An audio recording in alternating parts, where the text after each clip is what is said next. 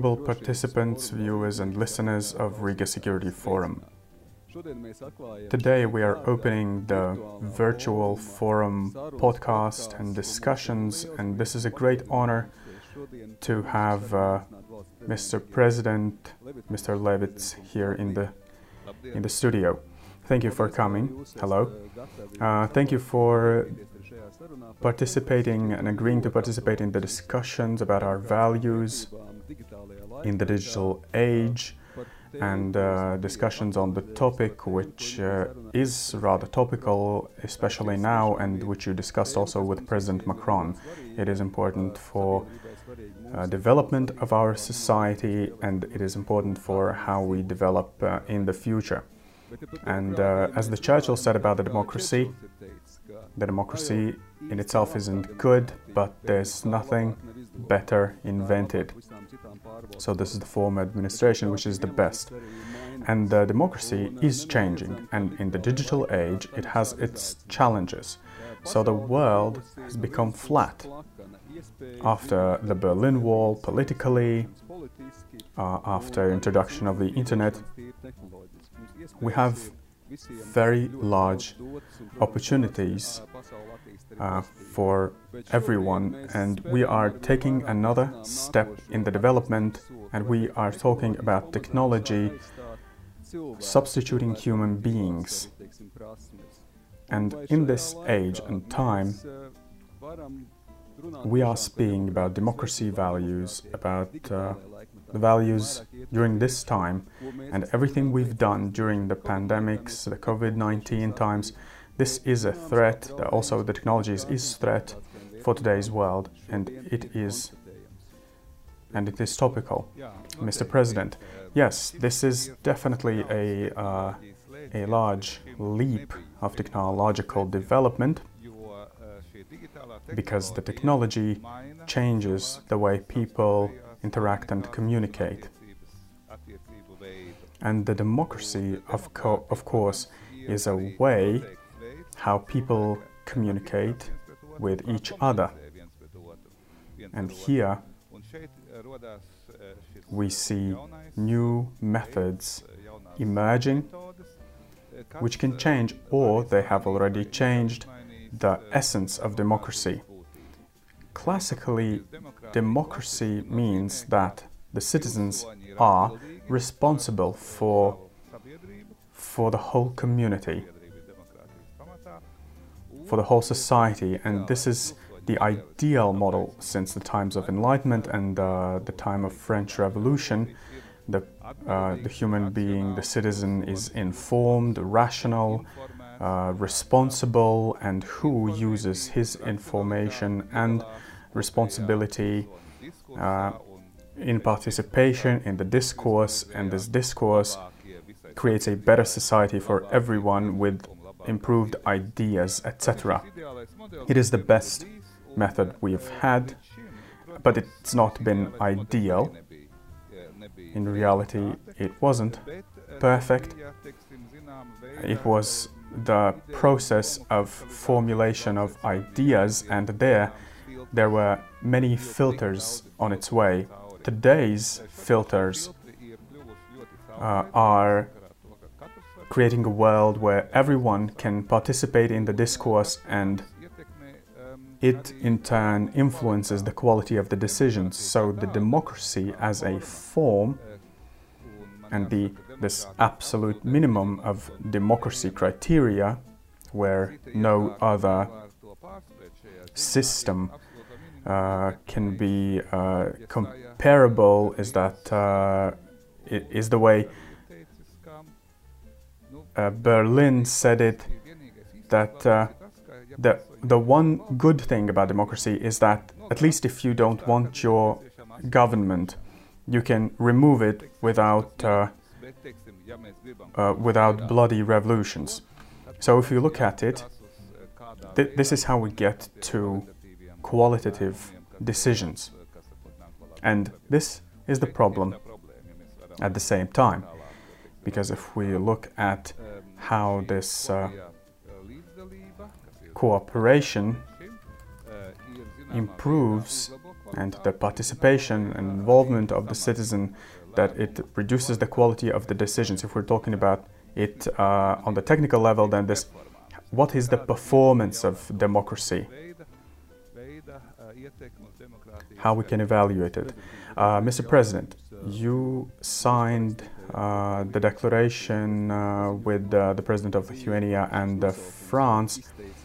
Uh, you, you, there it says that the democracy must be protected. Are we talking about this time of opportunities? Does it mean that we have to protect the democratic values? Because, as you said, since the Enlightenment, we have lived for hundreds of years in, in this uh, awareness and knowledge and, and how we have developed, how we have come to this point. The question is from the classical model of democracy, we have new challenges that arise. And it was uh, due to the development of technology. The overall, the biggest challenge is the populism, which means that there is participation and involvement of the citizens in creation of uh, democratic uh, ideas and they participate with their ideas but this opinion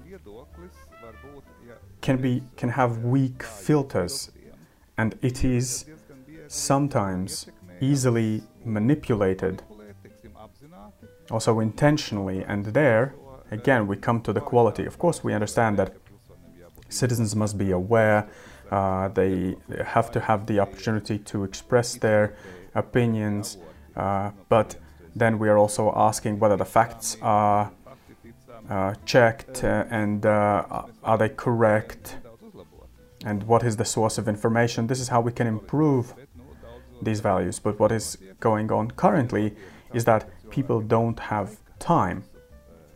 People don't have time to dig deeper into the topic. And also, another thing is that there's manipulation opportunities and they are larger than ever before.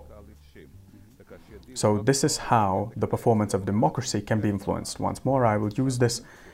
So, what are the results then from that arising uh, economically and socially? And they do not comply always with what the people actually want. And this is how we get to the question for example, yes, okay, we are here in the democracy, but isn't there another model Maybe there's some authoritarian model. Uh, maybe this is how we can improve our economics. Maybe this is how the social uh, issues are being solved better. So, politically, practically, in reality, this depends on the quality of the decisions which we make within the democracy. So it means the efficiency how it all is linked to the quality of life uh, for uh, each and every human being living in the society. For example, we are saying that maybe authoritarian regimes are more efficient in some issues. However, it does not provide the opportunity to realize the democratic ideas. Exactly, and and now uh, in the 21st century, we see the society models which are authoritarian, or we must say they're authoritarian democracies in uh, eastern part of Asia. Well, I wouldn't say Russia, but but mostly in those regimes, uh, th- their their performance is worse than in the West, but there are examples in the world, and they say, well, could you, in your democracy, uh, could, could you the GD, uh, ensure GDP growth by uh, tens of percents? In the West, we say we can't, but elsewhere in the world, there are examples with uh, uh, more strict discipline and this is how they achieve their economic growth. And this is good. Well, I'm not saying it's well functioning, uh, quote unquote, well functioning uh, authoritarian regimes, but they still compete with the Western democracies. Mr. President, I think we could discuss this endlessly.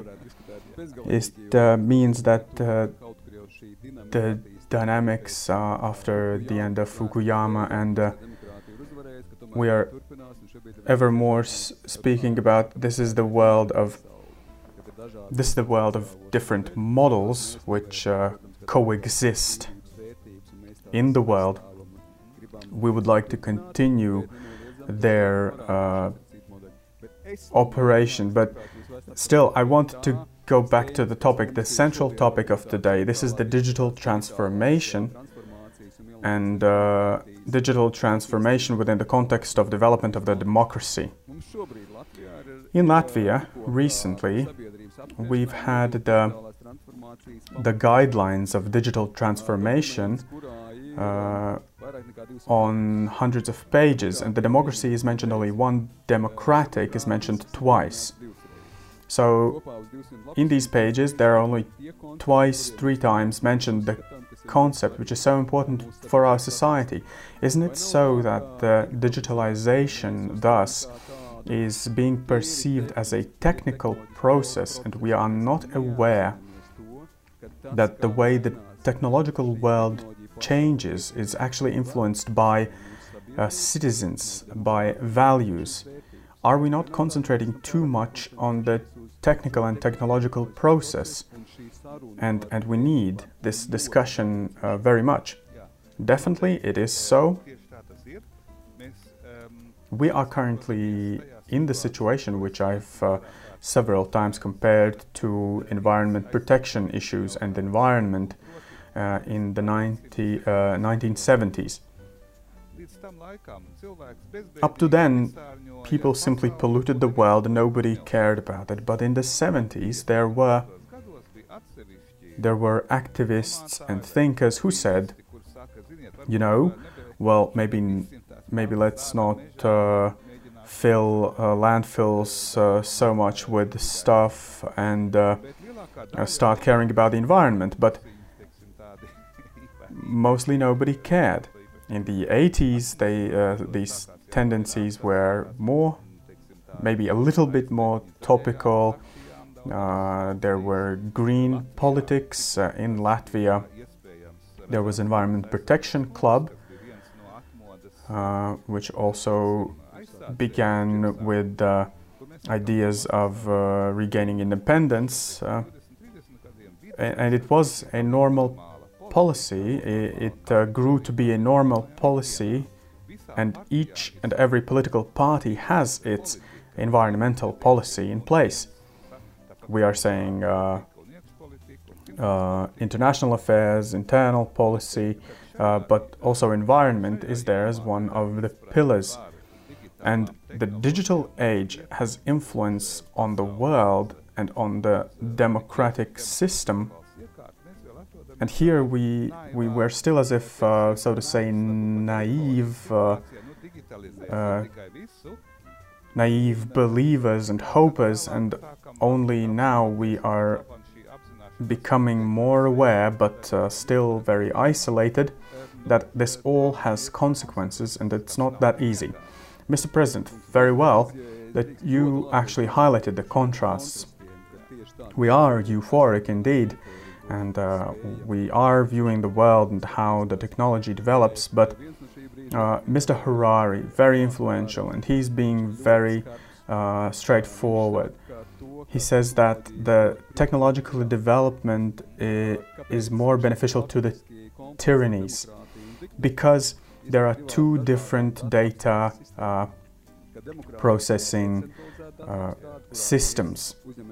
There's decentralized, local, uh, but for tyrannies and dictatorships, it is uh, it, it is all centralized, which the centralization of the development of data processing uh, favors more the dictatorships. Yes, I agree. It influences the form, the shape of the society, And currently, the democracy has the tendency to centralize the data processing both from private actors and stakeholders as large, uh, large uh, entities and from the part of states. And in essence, today we are operating in the economical system, uh, market economy, capitalism, and with, with one very important aspect, which is which is called surveillance capitalism. Mm-hmm. We, we are being sur surveillanced, and uh, this, this is spying on people, and uh, this is uh, spying and surveillance capitalism. So we are uh, continuously being uh, watched uh, through our mobile devices and other devices which accumulate data about us, about us, and it's not just for fun. They are accumulating data in order to be able to influence us. If there were no possibilities of influence, they wouldn't be accumulating the data. And how is that? Well, our locations, our conversations, uh, and in the law also and in constitutions of various states, it says that there is the uh, correspondence uh, secret. And I'd say, colleagues, where is it? Uh, how do we apply it? Everything is uh, openly available. The idea is to basically profile human beings, the profile of behavior. It's uh, available on me, on, on you, on all the people in the world. And currently, we can, for example, feed the person with particular information and thus influence their behavior and activity. And here I want to have a philosophical uh,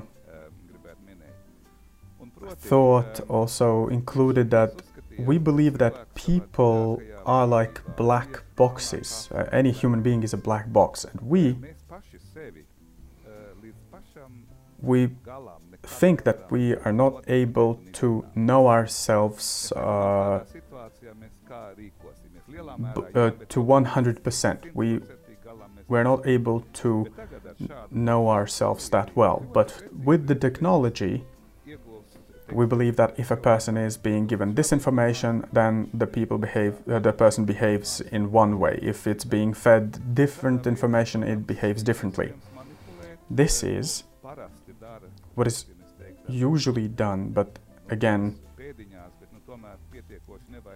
uh, may, maybe this is done by the democracies when you are talking about the capitalism purely commercially. When you say you want to buy, you want people to buy something, but but politically, if you have this political impact, then it's a different issue. Uh, yes, and uh, here Harari uh, says that how this time, how are we going to look at this time from the future? In 20 years, looking back to these times, uh, and this is the risk. We can say that this is the total surveillance. This is the beginning of the time of total surveillance. And this is what you also mentioned that we have the surveillance uh, economy, uh, surveillance capitalism. Maybe this is also surveillance democracy. You said about the profiles. It's not only about the money. This is how it looks. This is how our society is being managed. Exactly. Management digitalization is a is a question in which this topic is uh, is very sensitive because in our political philosophy uh, there's there's an impulse, uh, a momentum for a person obtaining information.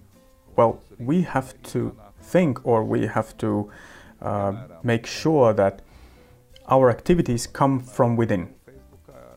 For example, on Facebook, you know, you have feed with different news, and, and if Facebook with its algorithm filters out what kind of news to show to you, what kind of information you are being presented, you are being fed, and there is always an aim behind it.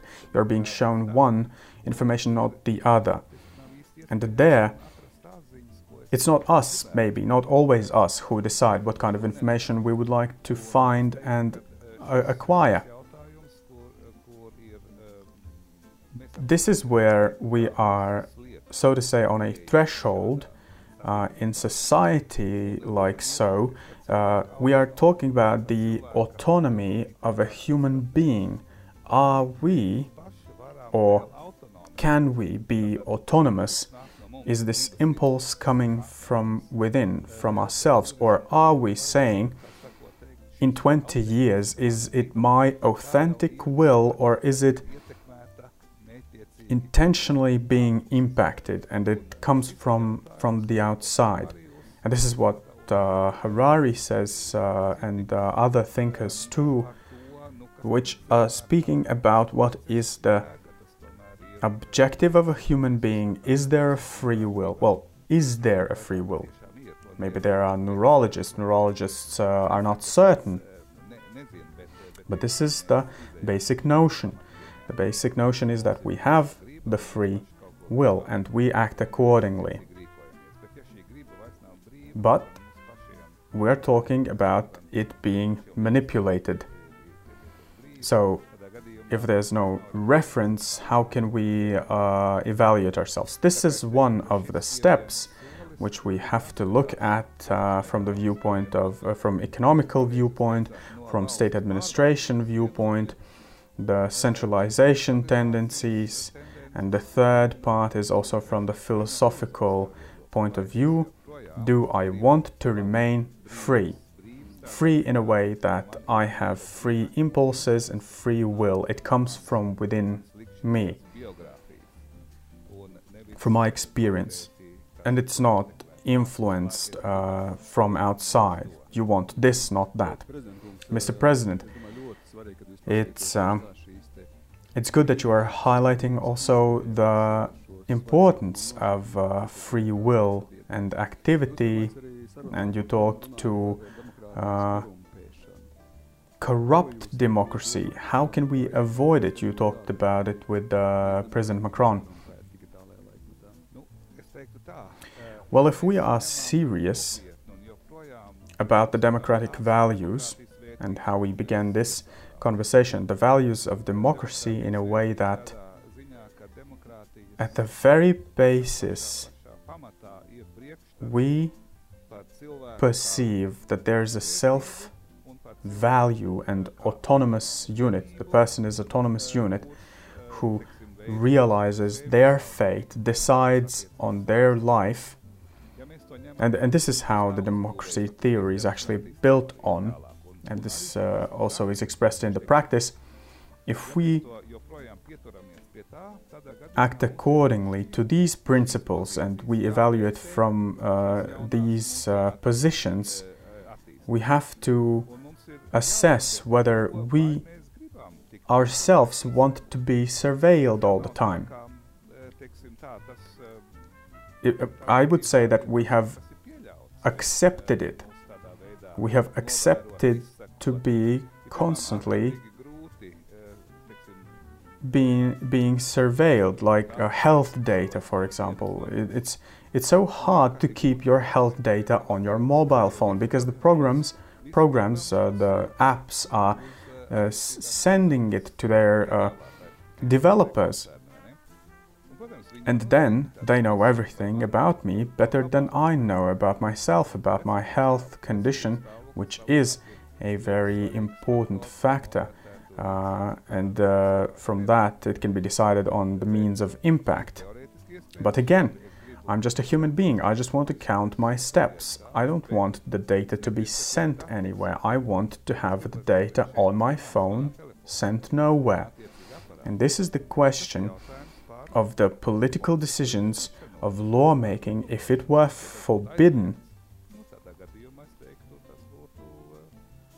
I'd say it would be solved in such a way because our internal autonomy is not being protected. We don't protect it ourselves. We allow such surveillance.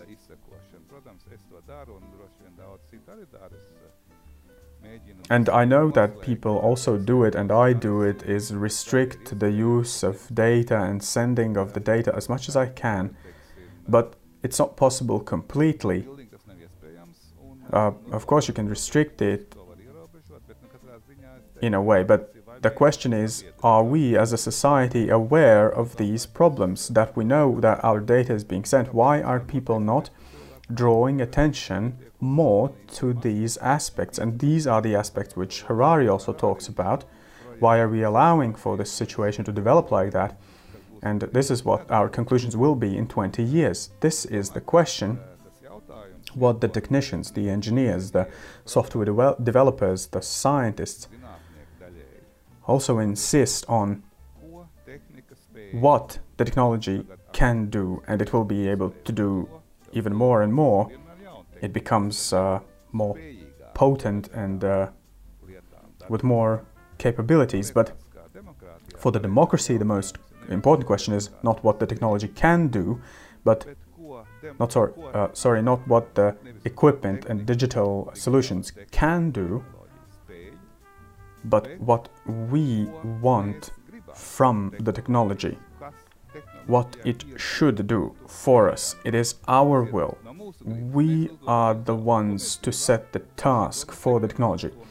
Mr. President, this is uh, the best case scenario, and uh, are we going to be able to control the artificial intelligence, uh, big data, uh, which involves us ever more, uh, researches us ever more, and this is all the dynamics. Yes, uh, artificial intelligence is another step forward. So the question is, do we want, we should discuss in the society and make political decisions, do we want to be watched over constantly? And this is the direction of the development of digital uh, global technology. Uh, but Mr. President's uh, surveillance, uh, who does it? Is it the companies? Is it the state? It's, it's both. You know, uh, there are no. The companies there are not that many. It's just uh, a couple of several companies, and in in Luxembourg, in um, there were large litigations of Google and Facebook, and they don't like those rulings and uh, but, but, I think this is the central political issue which must be solved, and I know that Latvia can do it, but uh, the European Union is indeed a platform uh, which we discussed with President Macron uh, during his visit here and also in the public discussion. I think that the awareness is increasing. That this now is the question, is the issue, what we politically want from the technology. I think it's a great direction of this conversation how, what we want, uh, how to coordinate legally uh, from one uh, part and also philosophically from the other. As I said, you uh, signed the declaration on the necessity uh, to uh, fight influence, influencing the the, the voting and elections, and, and now also on elections. We have the discussion from one uh, part, we are talking about the technology involvement, but aren't there those risks?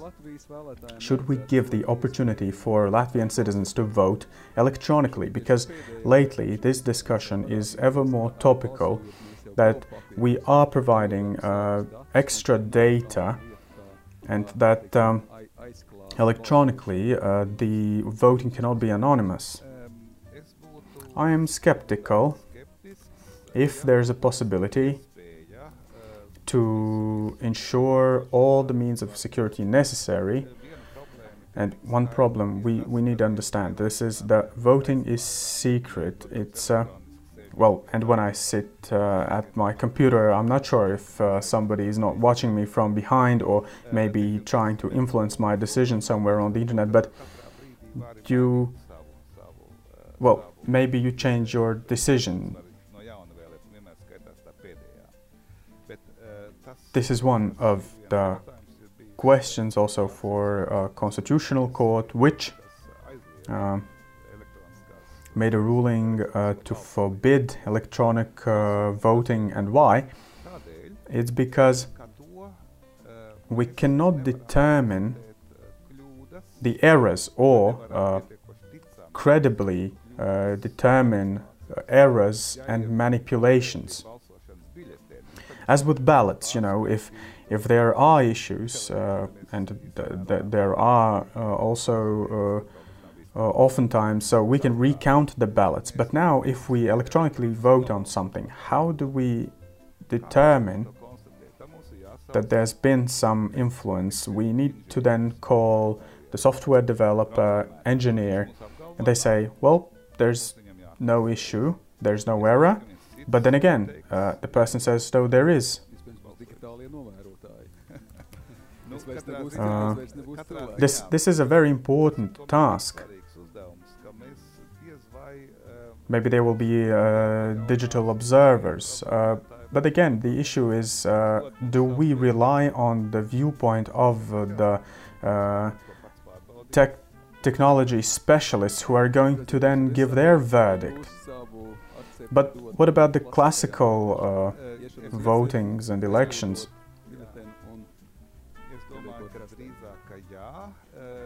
I think uh, what would it would it be beneficial really to have this digital voting? I'd say I am in favor of it, but is it really that hard to go to uh, to cast your vote? Maybe just take a couple of steps. I, I don't know if this uh, risk is worth it. I'm not absolutely against uh, electronic voting, but the risks must be taken into consideration. And the Constitutional Court, I think, uh, justified very well uh, their decision, and uh, they talked about this risk of uh, inability to prove. And, and, and there's always been like that. Uh, in every elections, we have uh, someone complaining, filing claims, and we do recount the ballots. We are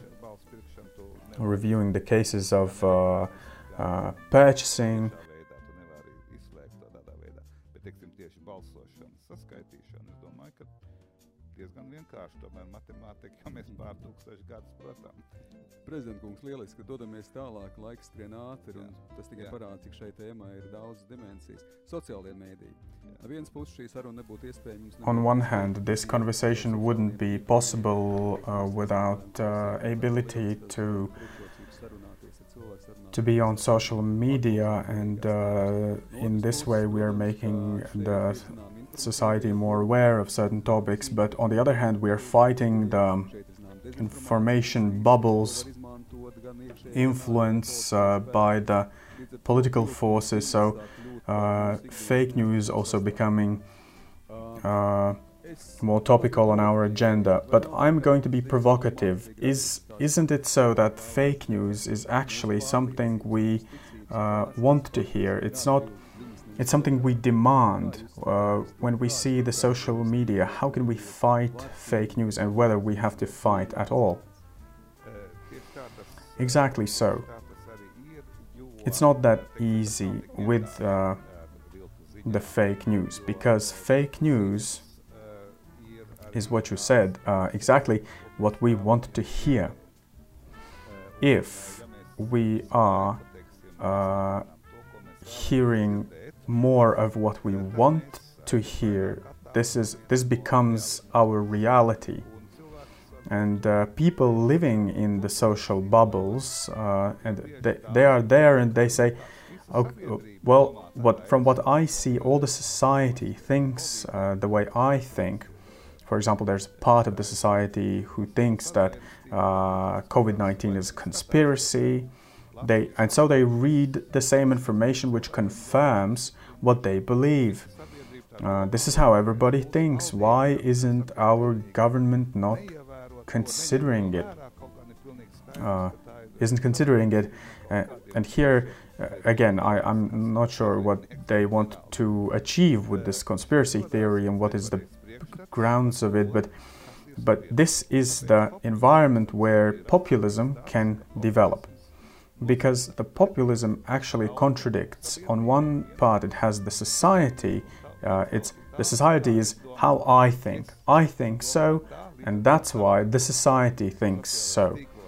And on social media, you will find someone who thinks similarly, but we are ignoring the someone standing next to you and actually not believing what you say. From the viewpoint of democracy, and this is what the democracy means, it is the discourse between all members of the society, uh, both those who think alike and those who disagree. This uh, threatens uh, the decision making quality. The second thing is that uh, over time, a human being uh, receives ever more information and learns more and uh, constantly receives the same confirmation. And you can live like that in, in the bubble, like that, uh, and you will believe that the world is like that uh, for many years to come. This is one of the aspects, but I would like to say on the technology, and I would like to also highlight that we need to make political decisions what we want to achieve with the technology, not what the technology can do, but what we want to do with them. This is the real question. We know there are uh, fields where we are already, uh, where we've been saying for long ago, like in, in here, for example, in this topic, the science doesn't go any further, doesn't develop. There are scientists who want to research how it works, but, but it's not allowed. For example, uh, with uh, biological weapons. Uh, biologic weapon research is forbidden. However, there are scientists who say, we would like to know more, but they say, well, it's too dangerous. And maybe in also uh, uh, and also in these aspects there uh, we're talking about the science ethics. Mr president very well uh, you are now talking about uh, morals of uh, science and philosophy and global in the global environment and are we are we talking about the new uh, colonization? There are the big states like the USA, China, the ones who are capable of uh, manipulate, to work with uh, the Internet of Things, and and for big countries there are big opportunities and possibilities, but Latvia is in the ocean of uh, the global environment, how we can influence and create the environment which is necessary and beneficial to small states. Digital technology is difficult to remain, it, it's difficult to keep it within the borders of one state. We're talking about it having no boundaries. So, where possible, and we also talked about the digital management or total digital management, uh, I believe this is the national issue and we can decide how we want ourselves. And there, I believe that the European Union is the appropriate platform. I'm not saying it's the uh, center of the world or central body, but it's one of, and it's uh, sufficiently large and uh, strong. And here, Latvia, being the member state, through this platform, we can uh, also participate in creating the, uh, the public awareness uh, we are talking about uh, making Latvia more European for uh, for 30 years now since regaining independence, and uh, these are the ideas we obtain and we adopt from the from the Europe, which we previously talked about uh, was somewhere else. It was a different place from from us, but now there's this new Europe, which we are part of. Uh, and now, now we say, we are Europe, we are here, we have standards in place, they are European standards, and together with uh, Belgium, Portugal, this is how we also develop the values. These are our values which are being represented.